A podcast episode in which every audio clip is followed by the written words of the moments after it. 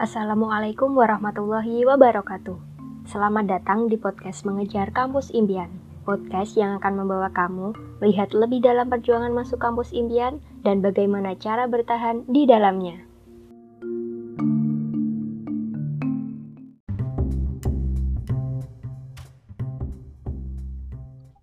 Di episode kali ini, kita akan membahas jurusan Kimia ITB untuk membahas hal tersebut, saya ditemani oleh narasumber. Eh, halo, kenalin, aku Eva Silvia Septiana, biasa dipanggil Eva dari Kimia ITB 2018. Halo Eva, gimana kabarnya? Alhamdulillah baik. Kalau boleh tahu, Eva masuk ke Kimia ITB lewat jalur apa ya? Eh, aku masuknya lewat SBMPTN. Boleh diceritain nggak gimana perjuangan masuk kampusnya? Hmm, Oke, okay. mungkin aku mulai dari kenapa sih aku bisa milih Kimia ITB. Nah, jadi tuh waktu kelas 10 kan aku nyoba ikut seleksi Olim Kimia. Kayak pengen nyoba hal baru aja gitu, soalnya dari SD sampai SMP kebanyakan aku ikutnya di matematik. Uh, dan mulai dari ikut Olim Kimia ini tuh aku suka banget sama kimia. Uh, terus waktu kelas 11 Aku pernah ikut bimbingan Olimpiade di Bandung buat persiapan ke OSP gitu. Ini tuh program dari SMA aku gitu buat anak-anak yang lolos OSK dan mau masuk ke OSP. Nah, semenjak ikut bimbingan di Bandung ini, aku jadi pengen banget tuh kuliah di Bandung. Karena di Bandung kan udaranya enak, terus sejuk. Di Bandung tuh yang bagus kan ITB kan, ya. Aku milih ITB jadi kampus impianku semenjak itu. Pas kelas 11 ini tuh dulu aku pengennya masuk ke jurusan teknik kimia. Tapi waktu kelas 12 tuh kayak aku ragu gitu. Aku tuh lemah di fisika. Nah kalau di teknik tuh kan kayak kebanyakan belajar fisika gitu kan kayak jadi dasar banget gitu loh. Nah, karena aku sadar kalau aku lemah di fisika, jadi aku lebih milih ke kimia murni. Nah, terus waktu kelas 12 tuh kan kayak teman-temanku kan banyak yang ikut bimbel intensif gitu kan buat persiapan SBM gitu. Tapi kalau aku belajar sendiri, karena aku tuh tipe orang yang suka belajar mandiri dan waktu belajarnya nggak tentu gitu. Nah, sejak awal kelas 12 aku juga udah mulai beli buku-buku SBM gitu. Sama pakai Kuiper. Karena kan kalau pakai Kuiper kan enak. Belajarnya bisa anytime, terus anywhere juga kan. Nah, terus sekitar bulan Februari apa Januari aku lupa. Nah, aku diajak sama teman buat daftar BPUN. Nah, BPUN itu kayak sejenis lembaga bimbingan untuk persiapan tes masuk PTN gitu. Daftar BPUN kan ada seleksinya gitu. Nah, aku lolos. Terus program ini tuh dimulai sejak uh, setelah UN gitu. Pokoknya kayak beberapa hari setelah selesai UN, uh, eh, kami langsung ke daerah apa ya di daerah Terangkel sana. Itu kayak di asrama selama tiga minggu. Terus ini dibimbing gitu buat persiapan SBM. Nah, waktu bulan Maret kan pendaftaran SNMPTN tuh. Waktu SNMPTN, aku masih nyoba daftar teknik kimia sih. Aku pas SNMPTN daftarnya FTI, terus FMIPA ITB, yang terakhir tuh teknik kimia undip. Nah, tapi SNMPTN lulus gitu tapi emang aku agak pesimis sih. Soalnya kan kalau SNMPTN di ITB kan emang susah kan. Apalagi itu waktu SMA kan nggak ada kayak cutting eh kakak kelas yang masuk ITB lewat jalur SNMPTN yang dari IPA gitu. Uh, kakak kelas angkatan 2017 tuh ada yang lolos di SNMPTN tapi dia tuh anak IPS terus waktu 2016 tuh nggak ada yang masuk ITB pokoknya tiap tahun tuh paling banyak satu orang lah yang bisa masuk. Terus kan aku nggak lolos nih di SNMPTN nah seben sebelum pendaftaran SNMPTN itu juga aku daftar di Politeknik tapi juga nggak keterima. Pokoknya dari semua apa kayak jalur masuk perguruan tinggi atau politeknik yang lewat rapat tuh aku nggak nggak keterima semua gitu. Terus kan dari jarak dari pengumuman SNMPTN ke SBM itu kan sekitar tiga minggu atau berapa ya aku lupa. Nah pokoknya setelah pengumuman gak lolos SNMPTN tuh aku kayak makin get belajar gitu. Sebelumnya tuh kayak biasa-biasa gitu loh. Kayak belajarnya tuh nggak tentu gitu. Tapi setelah pengumuman SNMPTN gak lolos tuh jadi semangat banget buat belajar. Uh, nah waktu tes SBMPTN pun tiba uh, kayak aku lancar aja gitu ngerjain soal-soalnya kayak senang aja gitu. Nah setelah satu bulan kan pengumuman SBMPTN dan aku seneng banget. Alhamdulillah aku bisa keterima di FMIPA ITB uh, pokoknya seneng banget lah bisa masuk di kimia ITB sekarang. Boleh dong Pak, cerita pas udah keterima di jurusan dan kampus yang kamu impikan. Kalau pengalaman banyak banget sih. Kan kalau di ITB sendiri tuh kan ada sekitar 80-an unit kan, UKM namanya, unit kegiatan mahasiswa. Nah, di kuliah ini tuh aku pengen banget gitu kayak pengen aktif kan dulu waktu SMA tuh kan aku kayak bisa dibilang apatis kan kayak nggak pernah ikut ekskul kayak paling daftar tapi nggak pernah datang gitu-gitu kan tapi kalau di kampus ini tuh kayak aku pengen nyoba beda gitu pengen nyoba aktif nah di ITB sendiri tuh aku ikut dua unit Kokesma sama Uro. Kokesma tuh Koperasi Kesejahteraan Mahasiswa, kalau Uro tuh unit robotika ITB. Nah, awalnya tuh aku daftar 5 unit. Tapi karena kayak kan udah di kuliah sendiri kan udah chaos gitu kan, kayak takut gak bisa bagi waktu gitu loh. Jadi akhirnya tuh aku mutusin cuma dua unit itu aja. Terus kalau di organisasi organisasinya tuh kan di Pati kan ada namanya Paguyuban KMP. KMP tuh keluarga mahasiswa Pati. Kayak aku nyaman banget gitu di Paguyuban ini tuh. Kayak orang-orangnya baik, terus perhatian, terus seru gitu aja. Kan kalau lagi sama mereka tuh kayak kita ngerasain di Pati gitu loh. Kayak udah ngerasain di kampung halaman sendiri, terus bisa pulang kampung bareng, terus bisa jalan-jalan bareng, pokoknya anak-anaknya seru deh. Terus apa ya uh, himpunan.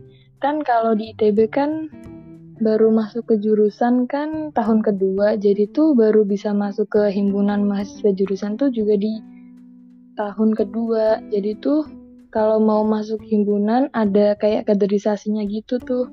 Kalau di kimia sendiri tuh kaderisasinya sekitar dua bulanan Nah, yang uniknya tuh kalau di ITB tuh ada yang namanya kayak daerah timur sama daerah barat. Nah, daerah barat tuh terkenal kayak biasa aja gitu loh kaderisasinya. Tapi kalau daerah timur tuh kan jurusannya pertambangan, terus ada geologi, pokoknya yang keras-keras gitulah. Jadi kaderisasinya lumayan berat. Nah, terus apa ya? Mau cerita itu deh yang di unit kan aku tuh jurusannya kimia kan ya. Terus kenapa milih robotika ITB? Jadi tuh waktu OSKM atau ospek di ITB tuh kan ada kayak perkenalan unit-unit itu kan. Terus kayak aku tertarik gitu loh di robotika, kayak pengen nyoba hal baru. Terus kayak pengen punya hard skill gitu loh. Dan semenjak ikut URO ini tuh kayak aku bener-bener belajar dari awal gitu loh belajar desain robot. Pokoknya belajar dari awal banget itu loh karena aku tuh nggak punya basic sama sekali. Dan di Uro ini tuh juga aku kayak sering ikut nonton lomba sih belum ikut lomba. Soalnya kan seharusnya tahun ini baru ikut lomba KRI tapi karena ada corona kan jadi ditunda. Uh, di Kima ITB itu apa aja sih yang dipelajari Uh, aku mau cerita dari tahun pertama dulu aja ya, soalnya kan di ITB kan beda tuh, nggak langsung masuk ke jurusan. Iya, yeah, iya. Yeah. Uh, jadi tahun pertama tuh namanya TPB. TPB TPB tuh tahap persiapan bersama. Jadi tuh kan kalau misal kita daftar di SNM SBM kan kalau di univ lain kan kayak langsung milih jurusan gitu kan. Nah, tapi di ITB tuh beda. Kita milihnya fakultas dulu. Misal nih, kan aku pengennya ke kimia. Jadi tuh aku milihnya FMIPA ITB gitu, bukan kimia. Nah, pas TPB tuh belajar apa aja? Pas TPB tuh belajar kayak kalkulus, fisika dasar, kimia dasar, terus PTI, PRD, bahasa Inggris, olahraga. Pokoknya kayak masih sering dibilang kayak SMA kelas 4 sih. Nah, tapi menurutku jauh sih, beda banget gitu. Nah, PTI itu apa? PTI itu kayak matkul yang belajar tentang konsep-konsep komputasi, terus analisis data, terus pemrograman gitu. Nah ini asik sih sebenarnya PTI, tapi menurutku susah sih, soalnya kayak belajar pemrograman tuh susah gitu, apalagi baru pertama kali gitu. Terus kalau PRD tuh belajar kayak desain gitu, terus problem solving gitulah. Selesai TPB kan tahun kedua. Nah pas tahun kedua tuh baru masuk jurusan. Eh, dari tahap TPB ke masuk jurusan itu gimana? Jadi kan waktu TPB kan dua semester tuh kan kita udah ngejalanin tuh perkuliahan. Nah pasti kan kita udah dapet IP kan. Nah pas masuk jurusan itu tuh kita diseleksi gitu berdasarkan IP. Misal nih kan di kimia ITB sendiri tuh waktu itu kuotanya 105 tapi yang 60 tuh udah keisi sama anak-anak peminatan jadi cuma nerima 40 ku kuotanya tinggal 40 orang lagi gitu. Nah misal nih yang daftar eh yang milih kimia ITB di pilihan satu itu 60 orang. Nah dari 60 orang itu tuh di ranking gitu IP-nya cuma diambil 40 yang teratas yang bisa masuk jurusan Nah, alhamdulillahnya aku bisa masuk di kimia gitu, kayak seneng banget gak kelempar jurusan karena awalnya udah takut banget gitu loh. Kalau misal kelempar kan gak lucu kan. Terus pas masuk jurusan uh, di kimia sendiri tuh ada empat kelompok keilmuan, organik, analitik, biokim, fisik, sama anorganik. Nah, kalau di organik tuh belajar apa? Ya namanya aja organik lah ya. Pasti kan belajar senyawa-senyawa organik di alam gitu. Terus sintesis-sintesis senyawa kayak untuk keperluan industri maupun kesehatan. Terus ke apa spektroskopi. Terus yang kedua tuh kimia analitik. Di analitik tuh belajar sampling, terus teknik pemisahan, kayak pengukuran konsentrasi larutan, kalau di biokim, namanya aja biokimia, pasti kan biologi sama kimia. Mungkin sama kayak biologi, tapi lebih fokus ke kimianya. Seperti struktur, interaksi molekul, terus kalis, kayak sistem metabolisme gitu-gitu. Nah, terus yang terakhir, fisik anorganik tuh kayak belajar senyawa anorganik ya pokoknya selain senyawa organik lah selain CHO gitu semua yang di tabel periodik kecuali itu terus belajar polimer terus ada kimia komputasi juga. Udah Oke. sih gitu. Kalau misalkan yang dipelajari di kimia ITB seperti itu model belajar anak kimia gimana? Nah jadi tuh anak ITB tuh ambis banget sumpah super super ambis. Tau nggak sih perpus tuh selalu penuh nggak pernah kosong sumpah. Aku tuh inget banget waktu hari pertama kuliah itu tuh perpus rame banget karena banyak kan anak-anak TPB kan kayak ambis banget gitu kan kayak baru dikasih tahu dosen buat pinjem buku ini langsung ke perpus dan langsung ambil buku. Terus kan pinjem buku tuh pasti kan antri kan. Tau nggak sih antriannya tuh panjang banget sampai di luar perpus? Pokoknya kayak ngelebihin antrian kasir di supermarket gitulah. Terus apalagi pas bulan-bulan ujian perpus tuh full banget kayak locker penuh kayak kamu mau masuk aja tuh sampai ditolak-tolak gitu loh sampai nunggu ada yang selesai keluar dulu. Pokoknya ambis banget lah. Terus kalau menurut aku tuh kalau dibandingin waktu TPB sama waktu masuk di jurusan tuh aku lebih nyaman di jurusan sih. Soalnya kan waktu TPB kan masih banyak itu yang harus dipelajari. Kalau di jurusan kan udah fokus ke satu bidang tertentu gitu kan. Jadi menurut aku sendiri waktu TPB tuh aku lebih berat sih belajarnya, lebih enak di jurusan. Uh, di sana di ITB itu UKT sama beasiswanya gimana?